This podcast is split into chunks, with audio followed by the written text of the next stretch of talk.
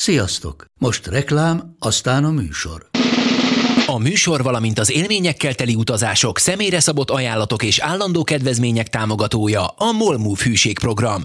Nyisd meg a Molmove appot a profilodba belépve, add meg a hihetetlen promóciós kódot, és tankolj Molevo és Evo Plus üzemanyagjainkból 15 forint per liter kedvezménnyel. Ne feledd, a hihetetlen promókóddal most még jobban megéri Molmove tagnak lenni. Vége a reklámnak, jön a műsor. December 7th. Dass ich nicht in diesem Jahr Uh, Houston, we've had a problem. Ma hajnalban a szovjet csapatok I have a dream.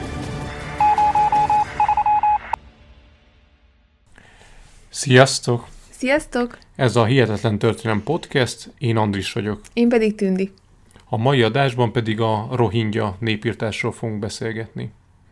2017 és 18 körül sokat írt erről a sajtó, a magyar sajtóban is jelentek meg hírek, cikkek erről a, erről a szomorú témáról, és ö, utána elhalkultak ezek a hangok, viszont ez egy meg nem szűnő probléma, tehát ez még, még napjainkban is sajnos egy komoly társadalmi krízis, és arra gondoltunk, hogy ezt most körüljárjuk. Ugye, amikor elkezdtünk utána nézni, akkor azt láttuk, hogy hogy ez nem, nem az elmúlt években kezdődött ez a probléma, tehát a rohingyák és a miamariak konfliktusa, hanem már, már több évtizede zajlik ez a, ez a konfliktus köztük, és ezt szeretném nektek most bemutatni. Igen, ahhoz, hogy elhelyezzük ezt térben, ahhoz először elmondjuk, hogy hol van Myanmar pontosan. Ugye ez egy ázsiai ország, Indiától keletre található, délen az Indiai óceán határolja azt a régióját az Indiai óceánnak a Bengáli öbölnek nevezik, északról Kína, nyugatról Banglades, keletről pedig Laos és Tájföld. Tájföld, így van. És egy időben is elhelyezzük az eseményeket. Igazán durván a 70-es években kezdtek el ö, súlyos atrocitásokat elkövetni a Myanmari kormány részéről. Viszont ezt most részletesebben kifejtjük, hogy pontosan mit kell tudni erről az eseményről, mik voltak az előzmények, és mik a mai nap történései. A Myanmar lakossága kb. 53 millió főre tehető, melynek kb. 4%-a muszlim, ami így kb. 2 millió főt jelent. Köztük nem mindenki rohingya, mert az országnak nagyon vegyes a népessége. 135 különböző etnikai csoport él az országban. A szomszédos Banglades pedig ismét a menekült válság középpontjába került az elmúlt években. Ugye nem ez volt az első alkalom. A 70-es évek végén és a 90-es évek elején már voltak nagyobb rohingya menekült hullámok, melynek keretében már több százezren érkeztek ebbe az országba. A legfrissebb események kirobbantója az Arsza, Ő- ez egy gyakorlatilag egy fegyveres szervezet, Arakan Rohingya Salvation Army, ami gyakorlatilag egy fegyveres szervezet, fegyveres rohingya szervezet. A Myanmari hadsereg álláspontja szerint az Arsa egy terrorista csoport külföldön kiképzett vezetőkkel. Az International Crisis Group szerint vezetőjük egy Pakisztánban született, Szaudarábiában nevelkedett rohingya, egy Ataullah nevű ember. Az Arsa azt állítja, hogy nincs kapcsolatuk nemzetközi dzsihádista csoportokkal, tagjaik pedig olyan fiatal rohingyák, akik megelégelték az évek során őket érő katonai zaklatásokat. Az ENSZ emberi jogi vezetője is úgy vélte, hogy a katonai túlkapások is hozzájárultak a rohingya szélsőségesek megerősödéséhez, így az Arsa Grouphoz is. Az ENSZ már a korábbi években kitört zavargások idején is úgy látta, hogy az egész népet kollektíven büntették a fegyveres támadásokért, tehát ö, gyakorlatilag az Arsza végrehajtott ö, kisebb ö, Támadó akciókat. támadó akciókat, és ennek hatására pedig a lakosság ö, lakolt, a rohingya lakosság. A legújabb népírtás és menekült hullám kirabbantása részben nekik köszönhető, mivel 2016-ban támadást indítottak több katonai ellenőrző pont ellen, melynek következtében 9 rendőr és 4 katona életét vesztette. Ezt követően terrorista veszélyre hivatkozva a katonaság elkezdte a rohingya nép módszeres elűzését, viszont a probléma az, hogy nem csupán elűzésről van szó, hanem sok esetben az emberek leüléséről, kivégzéséről, halára veréséről, megerőszakolásáról és kínzásáról. Egy kicsit beszéljünk arról, hogy honnan származnak a rohingyák, mi a nép eredete. Arakan, vagy más néven Rankin, egy tengerparti régió Ázsiában, Myanmarban, a Bengál öböl partjainál. A határ mentén fekszik, nyugatról Banglades, északról pedig India határolja. A Myanmari nacionalisták véleménye szerint a rohingyák az angol gyarmati idők végén jelentek meg illegális bevándorlóként a szomszédos Bangladesből, amit akkor még Bengáliának hívtak, ugye az országot. Ezért, hogy a mostani Myanmari kormány az el nem fogadott rohingyákat gyakran nevezi bengáliaknak, noha a rohingyáknak igazából nincs sok közük ehhez az országhoz. Ezzel ellentétben viszont az a valóság, hogy a muszlimok már a 8. században megérkeztek a régióba, akik tengeri kereskedelemmel foglalkoztak, és a közel-keletről érkeztek.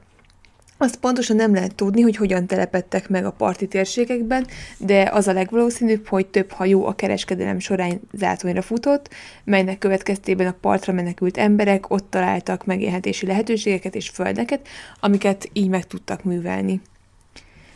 Ezután további muszlimok érkeztek a térségbe a 15. században, amikor a helyi király a szomszédos bengáli szultán segítségével tudta csak megerősíteni a hatalmát a külső támadások ellen. Arkhan régió ezután nagyobb muszlim befolyás alá került, a bíróság áttért a perzsa nyelvre, a falvakban pedig több helyen mecseteket, szemináriumokat és könyvtárakat építettek a muszlimok. A burmai király továbbra is buddhista maradt, de az az érdekes helyzet állt elő, hogy arab titulusokat taggatott magára, így buddhistaként használta magára a sah kifejezés például. A burmai király, azaz akkori Myanmari király 1785-ben kebelezte be az addig különálló tengerparti régiót, Arkant, és onnantól számítják Burma részének. Tehát gyakorlatilag a, ezt a főleg muszlimok által lakta régiót, arabok által lakta régiót, ezt 1785-ben kebelezte be Myanmar. Egyébként az, hogy lássátok, hogy itt hogy vannak a, Viszonyok. a, a vallási eloszlások, tehát ő Myanmarban ő a lakosság nagy része buddhista, szinte mindenki, míg a szomszédos Bangladesben ami az országtól nyugatra van, ott pedig az egy muszlim ország. Viszont a szép és viruló Myanmari király szomorúan tapasztalta, hogy 1825-ben jöttek az angolok, és bekebelezték ezt a régiót is, ugye sok más régióval együtt Ázsiában. Mivel az angolok úgy látták, hogy Arkhamban jól megművelhető földek vannak, csak nincs, aki megművelje őket, ezért a szomszédos Indiából muszlim munkásokat hoztak erre a feladatra. Árkán lakossága 30%-ban volt muszlim, ami a betelepítésekkel tovább nőtt. Az állóvizet a második világháború kavarta fel igazán, a japánok betörtek az angol gyarmatbirodalom részére, így a mostani Myanmar területére is. A japánok oldalán harcoltak azok a burmaiak, akik szabad államot akartak, ezzel ellentétben a rohingyák és az ország muszlim lakossága az angolok oldalára állt. Tehát, hogy igazából egy ilyen országon belül konfliktus alakult ki. A japán előrenyomulás és a britek visszavonulása közben a muszlimok és a buddhista közösségek között pedig véres harcok folytak. És azért nehéz erről beszélni, mert a rohingyákkal foglalkozó könyvek és anyagok szinte mind csak az elmúlt 50 évre koncentrálnak, és a második világháború alatti atrocitásokról szinte senki sem beszél. A nemzetközi média mindenhol nagy áldozatnak mutatja be a rohingyákat, de a pontos történelmi elbeszéléshez hozzátartozik az is, hogy ismertessük a muszlimok szerepét a világháborúban. Az akkor kitört harcok közepette az angolok létrehoztak egy muszlim gerilla csapatot, V-Force néven, akik a két tábor közötti frontvonalban tevékenykedtek. A csapat tagjai 20 ezer arkani embert öltek meg, majd ezt követően bosszúból a másik oldal is hasonló gyilkolásba kezdett. A helyzet ezután nagyon hasonlatos az indiai-pakisztáni konfliktusra. Az ország buddhista lakossága északnyugatról délkelet felé menekült, míg a muszlim lakosok, köztük a rohingyák is, a délebbi államokból északnyugat felé menekültek. A második világháború alatti kezdeti japán előre nyomulás, ugye a szabad burmaiakkal egyetemben, hirtelen megtorpant, és 44-45-ben az, angol, az angolok visszafoglalják az elfoglalt területeket. A brit győzelmet követő években az országból a háború alatt kiszorult és elvándorolt muszlim közösségek ekkor kezdenek visszatelepedni a szomszédos országokból. És itt fontos megállnunk egy pillanatra, mivel a Myanmari kormány erre a két történelmi eseményre hivatkozva állítja azt, hogy a rohingyák csak bengáli bevándorlók, akiknek nincs az országban helyük, tehát ugye nem tartoznak Myanmarba, de a valóság azért ettől, mint ugye ezt korábban látjuk, azért távol áll. Egyrészt úgy gondoljuk, hogy akik már 200 éven élnek az országban, az a népcsoport joggal vallja azt, otthonának azt az országot. Például itt az angolok által betelepített muszlimokra gondolunk, ugye, akik a 19. században érkeztek, akik ugye már több generáció óta éltek Burmában. A második világháborút követő visszaáramlás pedig csak azoknak a visszaköltözése volt, akik pár évvel korábban ö, menekülni kényszerültek. A világháborút követő években a muszlim régiókban élők komolyan reménykedtek abban, hogy Kelet-Pakisztán a mai Banglades közbenjárásával az észak-burmai területeket sikerül a szomszédos muszlim többségű országhoz csatolni, de ezek a próbálkozások zátszonyra futottak, így ezt követően nehéz évtizedek vártak a muszlim többségű régióra. Igen, tehát az ország nyugati felében élő muszlimok reménykedtek abban, hogy hát ha ugye a szomszédos muszlim országhoz tudják csatoltatni magukat, de ez nyilván diplomáciailag nem lett volna nagyon kivitelezhető, úgyhogy ez nekik egy kicsit csalódás volt. De itt tényleg szeretnék kihangsúlyozni, hogy ami anyag az interneten található, nagyon kevés helyen lehet azzal találkozni, hogy tényleg rohingya harcosok az angolok oldalán vettek részt a második világháborúban a japánok ellen, és hogy ott komoly atrocitások történtek. Most nyilvánvalóan a Myanmari kormány ezt felhozza védelmére, de gyakorlatilag ez már lassan egy száz éves esemény, ami akkor történt ezzel a V-Force nevű ö, szervezettel, de fontos erről is említést tennünk, hogy teljes képet tudjunk adni a jelenlegi helyzetről. Ugyanakkor én azt is megértem, tehát hiszen ez egy picit járnyalja a képet, ha bár nyilván nem ö, legitimizálja azt, hogy ö, mik történnek az országban, de érthető talán így jobban ez a, ez a mély ellenségeskedés a, a Myanmar, Myanmari állampolgárok és a rohingyák között. Tehát igazából így, így, így, így nagyon mély árok köztük. 1948-ban ő harcolta ki az ország a függetlenségét, ugye akkor váltak ki az angoloktól. Ugye egyébként ez arra a régióra mind jellemző volt, tehát India is ugye ezen a nagyjából ezekben az években szakadt ki az angol gyarmatbirodalomból, ugyanígy tett Burma is. Viszont nem volt túl sokáig teljesen szabad az ország, ugyanis 1962-ben jött a katonai diktatúra egy Nevin nevű tábornok vezetésével, aki 26 évig volt hatalmon. Nacionalista nézeteket vallott, és azt szerette volna, ha Burmában, későbbi nevén Myanmarban csak burmai emberek élnek, és minden kisebbség elhagyná az országot. Nézetei nem csak a rohingyákat támadták, hanem a keresztényeket, európaiakat és a többi kisebbségi etnikumot is. És itt még szeretnék közbevetni valamit, mert hát én régen nagyon sok filmet néztem, még fiatal egyetemista koromban, és most, hogy készültünk itt az adásra, eszembe jutott, hogy minthogyha ő, valamelyik Rambó filmben szó lett volna ő, Burmáról, és hogy ott mennyire aktuális események vannak, és most ő, próbált, vagy utána is néztem gyorsan, hogy mi is volt pontosan ennek a Rambó filmnek a témája, és meglepődtem, mert valóban burmai vagy mianmári népírtásokról szól, viszont nem a rohingya népről, hanem az ország keleti határain élő népekről. Tehát ebben az országban gyakorlatilag, ezt csak most azért mondom most, hogy ebben az országban nem csak a rohingyákkal bántak így, hanem sok más kisebbséggel is. Tehát, hogy is mondjam, viszonylag erős volt a nacionalizmus.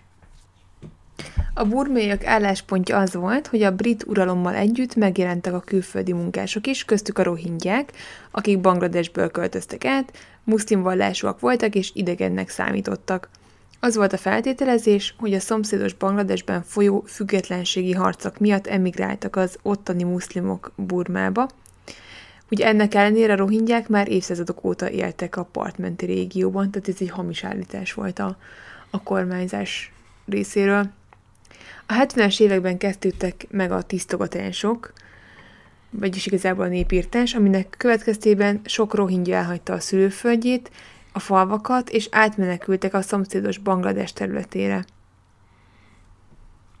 A burmai kormány viszont hozott egy állampolgári törvényt 1982-ben, aminek az volt a lényege, hogy akik vissza akartak térni otthonukba, azoknak bizonyítaniuk kellett, hogy ők burmaiak. De hogyan bizonyítsák be ezt papírokkal, amikor a falvaikat felégették és elűzték őket onnan, ráadásul az ország területén az 50-es évek előtt szinte senkinek nem volt semmilyen papírja. Az emberek megszülettek és leélték az életüket ugyanabban a régióban, anélkül, hogy bármilyen papírjuk rendelkezésre állt volna. Ekkortól kezdték el bengáli menekülteknek nevezni a rohingyákat, valamint be is tiltották ezt a kifejezést, tehát nem engedték, hogy ők magukra ezt a rohingya népcsoport kifejezést használják. A Burmát csújtó gazdasági válság végül változásokat hozott a 80-as évek végén, legalábbis ez így tűnt. A válságot egyébként leginkább az robbantotta ki, hogy a katonai diktatúra illegálisan nyomtatott papírpénzt, ami ezzel így teljesen elértéktelenedett, és egy deficit spirálba sodorta az országot. Hát ugye szerintem már minden embernek megfordult a fejébe, hogy miért ne lehetne pénzt nyomtatni, hát ugye ezért. 1988-ban diáklázadások törtek ki. Ezek a diákok demokratikus változásokat szerettek volna elérni az országban, és ezeknek a tüntetések során nem voltak vallási vagy etnikai konfliktusok, mindenki azért harcolt, vált válnak vetve, hogy közösen érjenek el változásokat. Igen, kimondottan jó volt olvasni a forrásokban ilyen rohingya emberek visszaemlékezését, akik tényleg jó szívvel emlékeztek erre az évre, amikor azt érezték, hogy mindenki egy ügyért harcol azért, hogy egy demokratikus országban élhessenek, ne pedig egy katonai diktatúrában, és ott nem számított, hogy ki milyen vallású vagy honnan jön, de hát ez sajnos nem tartott túl sokáig. Ekkor lépett színre Aung San Suu Kyi, női aktivista, aki megnyerte a szabadnak hirdetett választásokat az általa vezetett párttal, de jött a katonaság, és semmisnek minősítette a választásokat, és magánál tartotta továbbra is a hatalmat. Azzal, hogy a rohingyák is támogatták a demokratikus lázadásokat, és ezzel együtt Aung San is, így a katonaság szemében már dupla fenyegetést jelentett jelenlétük az országban. Egyrésztről ott volt már addig is meglévő kisebbségük gyűlölete, másrésztről a demokrácia hívei voltak, így a katonai vezetőség különös ellenségei. Aung San Suu Kyi 1989 és 2010 között 20 éven keresztül szigorú házi őrizetben tartózkodott. Az 1989-ben tett munkájáért, ugye ami a demokrácia kiharcolását tűzte ki céljául, 1991-ben Nobel békedíjat kapott. Ezekben az években jött létre a NASAKA, ami gyakorlatilag a burmai SS hadtestnek felelt meg, mind felfogásban, mind pedig célkitűzésben. Egy hatalmas kerítés épült Banglades és Burma határára, ahol a Nasaka fegyveres őrei őrködtek, valamint a Burmán belüli megyék közötti határokat is felügyelték. A rohingyákat eltiltották a szabad helyváltoztatástól, ők nem hagyhatták el a falvaikat, nem mehettek át egyik faluból a másikba. Hivatalos papírt kellett beszerezniük, hogyha utazni akartak, ráadásul fejpénzt szedtek a katonák, igazából mindenért. Például, hogyha az embernek volt egy tehene, akkor azért is kellett fizetniük a katonáknak, tehát így ilyen nagyon szigorú diktatúra volt ezekben az években. Ennek kapcsán egy dolog eszembe jutott, hogy a forrásból, amit felhasználtunk, egy rohingya ember menekülésének a története, majd a leírásban oda tesszük, és akit érdekel, az utána tud nézni ennek a könyvnek. Ott gyakorlatilag azt mondta el az a rohingya illető, hogy az országban úgy lehetett elérni bármit rohingya létedre, hogyha, hogyha lefizetted a hatóságokat. Tehát gyakorlatilag szinte bármit el lehetett érni, kijutni a börtönből, a katonaság markából, hogyha az ismerőseid és barátaid tudtak szerezni pénzt valahonnan, és ezzel lefizették a hatóságokat. De ez mindenhol igaz volt. Tehát a, a katonaságot úgy kellett elképzelni, hogy ő, mit tudom én, a falut határában ott álltak a katonák, és hogyha te ki akartál menni, akkor elvileg nem engedtek, de ha a kezükbe csúsztattál valamit, akkor mégiscsak átengedtek. De hát ő, ez nagyon rossz volt ez a rendszer nyilván. A katonák kérését mindig teljesíteni kellett, különben vállalniuk kellett a következményeket. Voltak falvak, ahol az összes férfit és fiút letartóztatták, és kényszermunkára kényszerítették őket, ha valaki nem csinálta a munkát, akkor megverték vagy megölték őket. Gyakorlatilag arra használták a foglyokat, hogy felépítsék azt a katonai rendszert, amivel még jobban el tudják nyomni ezt a népet. Tehát gyakorlatilag ő egy csomószor ilyen katonai barakokat építettek maguknak, ő utakat építettek, és gyakorlatilag úgy fogtak maguknak ő munkásembert, hogy ő bementek az egyik faluba, és elvitték onnan a férfiakat.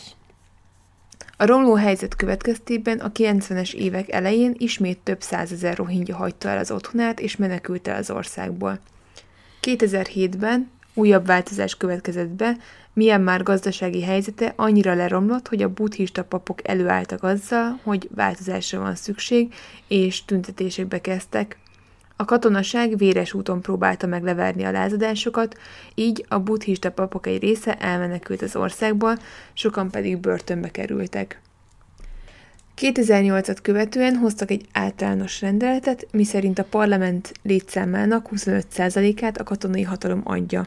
Tehát így, hogy a bárki kormányra kerül, akkor is a katonaságnak nagyon nagy a befolyása. 2012-ben egy újabb rohingya ellenes lázadás tört ki az országon belül, ugyanis az interneten megjelent egy fotó egy nőről, akiről azt állították, hogy rohingya férfiak erőszakolták meg. Erre igazából nem, nem volt bizonyíték, tehát ezt nem tudták bebizonyítani, hogy valóban megtörtént-e az erőszak, és hogyha megtörtént, akkor kik voltak az elkövetők, de ugye nyilván ez egy nagyon kényes ügy, tehát hogy ezt igazából nagyon nehéz bizonyítani az ártatlanságot is, meg azt is, hogy tényleg megtörtént az erőszak, szóval ez egy, egy sajnos egy ilyen szerencsétlen eset. Ezzel a rohingya ellenes lázadással az eddigi gonosz tettek, mint ölés, kínzás, megaláztatás és börtönbevetés mellett egy új módszer került bevezetésre, az otthonok felégetése. 2012. június 8-án nagy számban jelentek meg katonai buszok a rohingya településeken, egy részük elkezdte felgyújtani a falvakat, másik részük a menekülési útvonalakat zárta el. A falvakba behatoló katonák minden elképzelhető aljasságot elkövettek az ott élő embereken. Ugye mi erről öm, néztünk igazából videókat, amikor mondjuk beszámolnak öm, ilyen dolgokról, és hát nem bírtuk ki végignézni, úgyhogy ne folyna a könnyünk. Tehát ez tényleg egy ilyen... Most ez így nem tudom, most azon gondolkodtam, hogy most ezt így elmondjuk, de hogy ezek botrányos dolgok, tehát hogy, hogy tényleg kegyetlen, hogy ott éltek családok, és akkor egyszer csak megjelent a katonaság, és így konkrétan legyilkolták a falut, és fel, felégették az otthonokat. És öm, hát erről még korábban, vagy később még lesz szó, hogy, hogy miket tettek, de hogy tényleg ez ilyen, ez ilyen elrettentés célul is szolgált. Tehát, hogy igazából itt, itt egy ilyen félelmet akartak kelteni a rohingyákban, és hát nyilvánvalóan sikerült is, hiszen konkrétan gyerekeket gyilkoltak le nagyon nagy kegyetlenséggel. Az események túlélőit a falvakból összeterelték, és egy új tábort hoztak létre, ahol gyakorlatilag nem mozdulhattak ki, ha bár saját maguk által épített házakban lakhatnak. Ez a terület gyakorlatilag egy koncentrációs tábor, az ott élők számát 120 és 240 ezer közé teszik. Tehát ő, ezek az emberek, akiket így összetereltek, ezek gyakorlatilag még Myanmar területén vannak, tehát nem hagyták az országot, és gyakorlatilag ilyen táborokban élnek, amik le vannak határolva, katonák őrzik, és mm, az ottani emberek hát ő elég rossz körülmények között élnek, gyakorlatilag úgy, mint egy koncentrációs táborban. Eközben a nacionalista Myanmari buddhista papok szerint az iszlám országoknak, mint Irak, Irán, Kuwait, Szaudarábia, és még sorolhatnánk, nekik lenne a feladatuk, hogy országonként befogadjanak 50-50 ezer menekültet, ezzel megoldva a burmaiak időzéles problémáját. Az egyik riport, amit megnéztünk ezzel kapcsolatban, ebben egy buddhista szerzetes mondta azt, hogy szerint ez nem gyűlölet a két nép között, ők nem akarnak semmi rosszat, csak meg szeretnék őrizni az ország szuverenitását. Az interneten egyébként elképesztő felvételeket lehet látni a tömegek úszításáról. Például van olyan, ahol pár buddhista szerzetes egy téren állnak, sok ember veszi őket körül, és a mikrofonba bemondják, hogy hogy a rohingyák takarodjanak az országunkból, a rohingyák meghamisítják a történelmet, és ezt a tömeg skandálja velük együtt, tehát hogy ismétli ezeket a mondatokat. Úgyhogy igazából igencsak megy a gyűlöletkeltés az országban. 2015-ben azt gondolta mindenki, hogy változás fog bekövetkezni, ugyanis Aung San Suu Kyi pártja nyert, így akit már előbb említettük, és aki 89, 90 és 2010 között házi őrizetben tartózkodott. Ő nagy fölénnyel megnyerte 2015-ben a választásokat, úgyhogy továbbra is, még ma is ő vezeti az országot, de a háttérben ő sajnos a katonasság mozgatja a szálakat, legalábbis nagyon úgy tűnik. Tehát Aung San Suu Kyi vezeti az országot az elmúlt öt évben, ugyanakkor egy korábbi Nobel békedíjas háta mögött, vagy tudtával gyakorlatilag, és tagadásával kiírtanak egy teljes népet Myanmarban. Tehát gyakorlatilag ezek a díjak, ez nagyon szomorú, hogy ennyit ér gyakorlatilag a Nobel békedíj, amit egyébként még nem vontak tőle vissza. Erről mindig azt szokott eszembe jutni, hogy a Time magazin által kihirdetett évembere címet például 1938-ban Adolf Hitler nyerte el, egy évvel később pedig Stalin.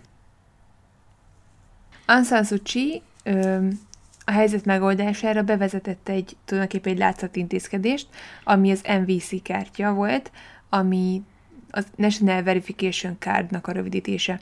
Ezt a kártyát az kaphatja meg, aki szeretne állampolgárságot szerezni, és mint új állampolgár papírokat szeretne kapni.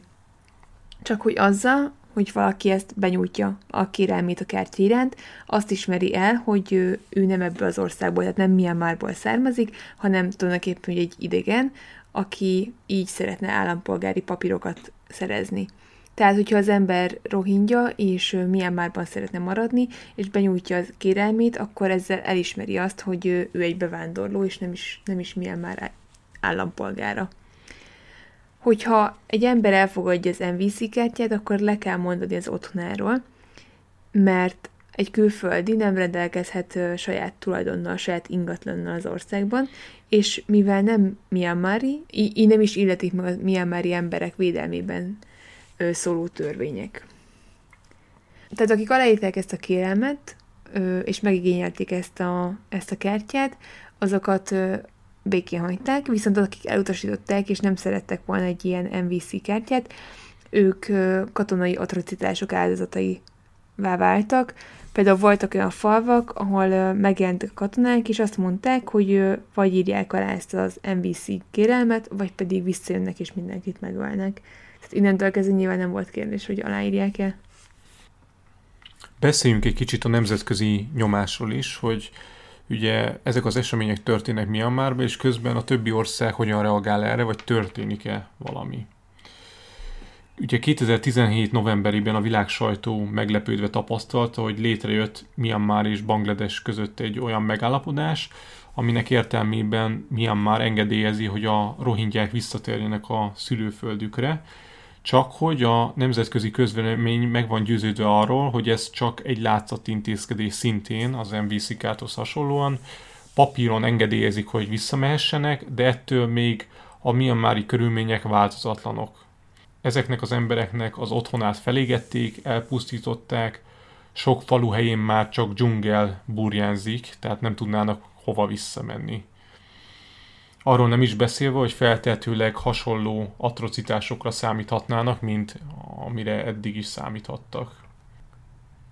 A bejelentés a két ország közötti megállapodásról három hónappal azután jelent meg, amikor egyes források szerint 6700 rohingyát öltek meg Myanmarban, köztük 730 gyereket.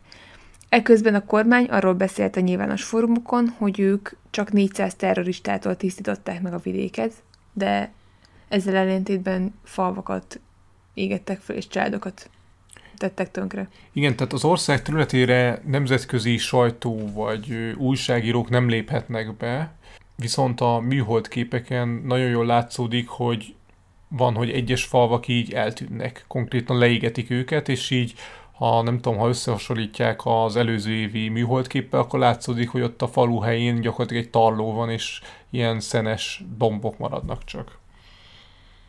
2017. decemberében egy ENSZ szavazáson megszavazták és üzentek Myanmarnak, hogy azonnal fejezze be a katonai akciókat az országban, és biztosítsa az ensz való kapcsolatfelvételt, a békefenntartó erők jelenlétét, és biztosítsa az ország a rohingyák visszatérésének a lehetőségét és az állampolgárságukat is. 2012-ben, amikor az ország papíron demokratikussá vált, akkor Obama elnök felismerte az ország regionális jelentőségét, és meglátogatta Myanmart, és ezzel együtt az Egyesült Államok szeretett volna minél inkább nyitni Ázsia irányába. Közben pedig Kína és India aggódó tekintettel nézte ezt az amerikai pozitív hozzáállást, és mindkét ország megpróbálta minél szorosabbra kötni Myanmarral a viszonyát. És ennek az az oka, hogy mindenki jobban szeretne lenni ezzel az országgal, hogy Myanmar nyersanyagokban nagyon gazdag, kőolaj, rész, cink, drágakövek és fa is nagy mennyiségben rendelkezésükre áll. Hiába Obama közeledése, Trumpot hidegen hagyta az ország, egyrészt nem is tette szóvá az itt történteket, másrészt semmilyen kapcsolatot nem próbált kialakítani velük, ellentétben Obama elnökkel. Ha Kínát nézzük, akkor nekik pedig gazdasági szempontból fontos, hogy jobban legyenek Myanmarral, ugyanis az indiai óceánhoz a legrövidebb és legpraktikusabb út Myanmaron keresztül vezet Kínából. Másrészt ott van egy gigaberuházás is, egy olajvezeték, ami az indiai óceán partjáról a dzsungelen keresztül egészen Kína határáig ér. Ennek a vezetéknek a kiépítése az elmúlt egy évtizedben történt, hatalmas mennyiségű kínai támogatásból, nem titkoltan azzal a célra, hogy a közel-keletről a lehető legrövidebb úton jusson el a kőolaj Kínába. A 2400 kilométeres olajvezeték 2017. januárjában lett átadva. Így már is világosabb, hogy Kínának miért nem érdeke konfrontálódni Myanmarral. Kína benne van az ENSZ biztonsági tanácsában, ott vétójoggal is rendelkezik, tehát így képes bármilyen rendelkezést elkaszálni. És akkor erre egy pár szót most mondanék, mert utána olvastunk az ENSZ biztonsági tanácsának működésének, és azt találtuk, hogy a világ egyik legfontosabb szervezete ö, tulajdonképpen határozatképtelen, abban az esetben, ha az öt világhatalom közül az egyik él a vétójogával. Tehát jelen esetben, hogyha Myanmar ellen rendelkezésekről van szó, akkor Kína könnyen az útjába állhat ezeknek a rendelkezéseknek. 2017-ben nagy port kavart, hogy az ENSZ fele, körülbelül 100 tagország szerette volna bevezetni azt, hogy a népírtás és más súlyos bűncselekmények esetén az öt világhatalom, vagyis az USA, Oroszország, Kína, Franciaország és Nagy-Britannia mondjon le a vétójogáról – Franciaország és Nagy-Britannia kijelentették, hogy ők készek erre a kompromisszumra, viszont a másik három ország ragaszkodik a vétójoghoz. Eddig a szervezet működésében 293 vétózás történt, amiből 143-ért az oroszok a felelősek, viszont azt is jó tudni, hogy a rendszerváltás óta csak Kína, Oroszország és az Egyesült Államok élt a vétójogával. Visszatérve a szomszédos országokkal való Myanmari kapcsolatra, India kapcsolata is hasonló, mint Kínának. Nekik is geopolitikai érdekük, hogy az országon keresztül fusson olyan energiahálózat, ami segíteni az indiai gazdaságot, így ők sem szólalnak fel a helyzet ellen. És akkor most egy kicsit szó esik a magyar, magyar kapcsolatokról is, ugyanis ugye a sokat emlegetett keleti nyitás milyen márig is elért. Így van, és 2019-ben járt is itt Magyarországon Aung San Suu Kyi, Péter és Orbán Viktorral is találkozott. Az MT közlése szerint Szijjártó úgy fogalmazott az alkalomról, hogy Magyarország különös tisztelettel van azok iránt, akik nemzetük érdekét helyezik az első helyre, és áldozatokat is készek hozni érte.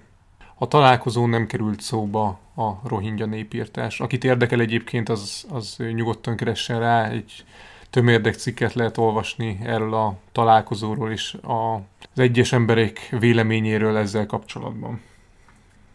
Most pedig egy kicsit a menekült táborokról szeretnénk beszélni. Láttunk egy videót Parászka Borókával, aki egy kerekasztal beszélgetésen öm, számolt be arról, hogy ő járt Bangladesben, a bangladesi menekültáborban, és elmondta, hogy miket látott. Ő ugyebár egy újságíró. Igen, ő egy újságíró, és ő az UNICEF-fel karöltve. karöltve ment, ment oda, és, és megnézte, hogy mi van ott, és ugye tudósított erről. Nem lehet pontosan tudni, hogy hány ember él a menekültáborban, körülbelül 1 és 1,2 millió közé teszik a lakosság számát.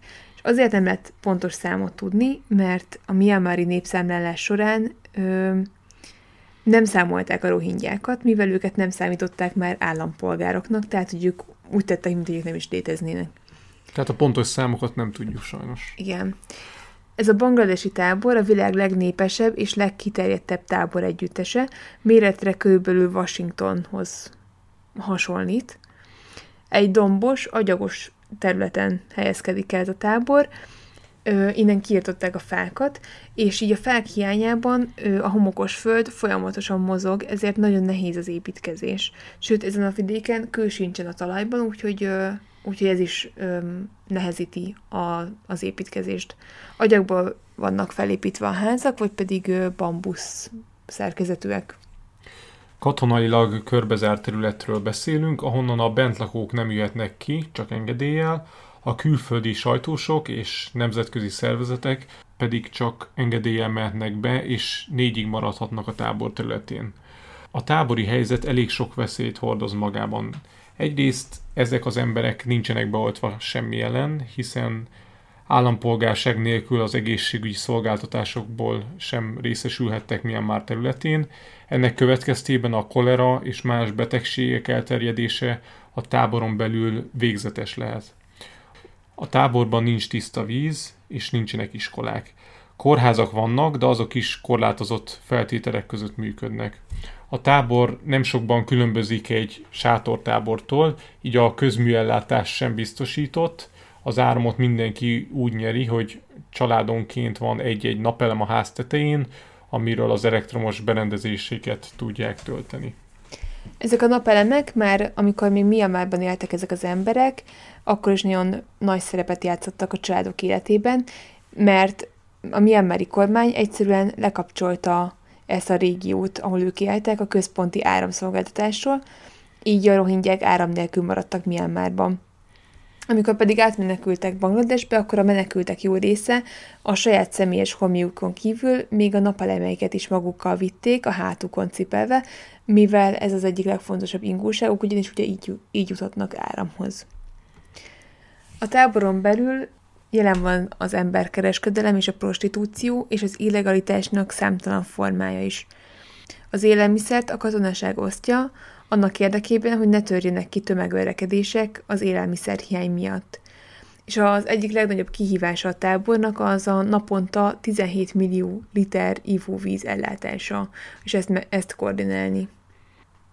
Ami nagyon szomorú, hogy a táborban lakó szülők nagy része olyan, olyan szülő, akinek egy vagy több gyerekét is megölték a népírtás során, ugyanis a Myanmari katonaság célpontjai gyakran a gyerekek voltak, akiket különös kegyetlenséggel öltek meg, például tűzbe dobták őket, megfojtották őket, vagy pedig, vagy pedig más módon gyilkolták le. Ez egyébként nagyon, mi amikor mi néztük ezt a videót, ott, ott mutattak felvételeket a táboron belül, és tényleg annyira szörnyű és szomorú volt látni a tekintetüket ezeknek az embereknek. A módszeres népírtásnak a célja az, hogy akik még esetleg ott maradtak Rankinban, vagy Árkán területén, a rossz hírek alapján ők is meneküljenek el, és hagyják el az országot, ahol számukra nincs élet, ahol semmibe veszik őket. A táborban élő szülők láthatóan már nem akarnak élni, elfáradtak a folyamatos menekülésben, a kiszolgáltatottságban. Megtapasztalták a halált, és ez életük folyamatos velejárója is. A táborban járt újságíró azt a kifejezést használta, hogy ezeknek az embereknek az életük a halál, ami nagyon jól kifejezi a rohingyák helyzetét. Viszont ott van a tábor területén nagyon sok fiatal gyerek, a tábor 60%-a fiatalkorú, számukra mutatni kell valamilyen perspektívát, lehetőséget az életre. Tanulniuk kellene, de hogy de ahogy említettük, a táboron belül nincsenek iskolák. Ennek az egyik fő oka az, hogy Banglades, a befogadó ország nem szeretné, ha hosszú távon ott maradnának a rohingyák. Az ő politikájuk az, hogy befogadják a menekülteket, de azon vannak, hogy mi harab jussanak vissza szülőföldjükre. Ezért nem szeretnék vonzóvá tenni számukra a tábori életet. Ha a táboron belül jobb életkörülmények biztosítottak számukra, és a gyerekeknek van oktatás, akkor már jóval jobb helyzet állna elő, mint szülőföldjükön, így a rohingyák sokkal valószínűbb, hogy maradnának Bangladesben. Legalábbis a bangladesiek ezt így gondolják, de nyilván nem, nem erre vágynak a rohingyák sem, hogy egy menekült táborban élik le az életüket. 2018 márciusában a Myanmari kormány a benyújtott 8000 visszaköltözési kérelemből 374-et fogadott el, a többit pedig visszautasította olyan okokra hivatkozva, mint például hiányos papírkitöltések és hiányzó adatok. Ebből látszik tisztán, hogy a Myanmari kormány a nemzetközi nyomás ellenére sem szeretné, hogyha a rohingyák visszatérnének az országba. Felmerült lehetséges megoldásként, hogy Basankár szigetére költöztetik a rohingya menekülteket, amit 2018-ban vetett fel a bangladesi kormány. Viszont gyakorlatilag ezt mindenki ellenzi ezt a lehetőséget, mivel egy olyan szigetet néztek ki, ami a bengáli öbölben van, nem messze a partoktól, és ebben a régióban gyakoriak a földrengések és az áradások. Az ellenzések ellenére Banglades már felépített egy félvárost a szigeten, és úgy számolnak, hogy nagyjából százezer rohingya tudna beköltözni ebbe a városba.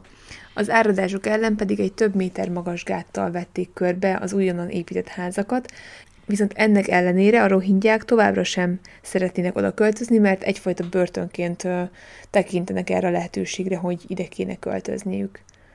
Úgy néz ki, hogy hogy igazából csak erőszakkal tudják ide átvinni az embereket. Ráadásul a bangladesi kormány azt nyilatkozta, hogy ha az ENSZ nem is ért egyet ezzel a döntésükkel, ők akkor is végrehajtják ezt a tervet, és ide fogják telepíteni a menekülteket. Tehát egyelőre nem lehet tudni, hogy mi fog következni. A rohingyák egyértelműen vissza szeretnének jutni a szülőföldjükre, viszont a jelenlegi helyzetben erre nincs lehetőség. Egyelőre a menekült táborban élnek, nehéz körülmények között, de úgy néz ki, hogy a helyzet egy ideig még így is marad.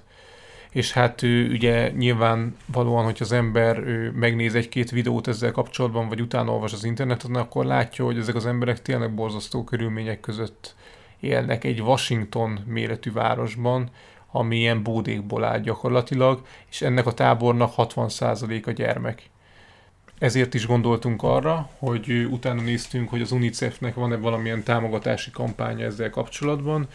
Azt találtuk, hogy lehet támogatni az ottani gyerekeket, és különböző összegeket lehet felajánlani és küldeni számukra az UNICEF-en keresztül.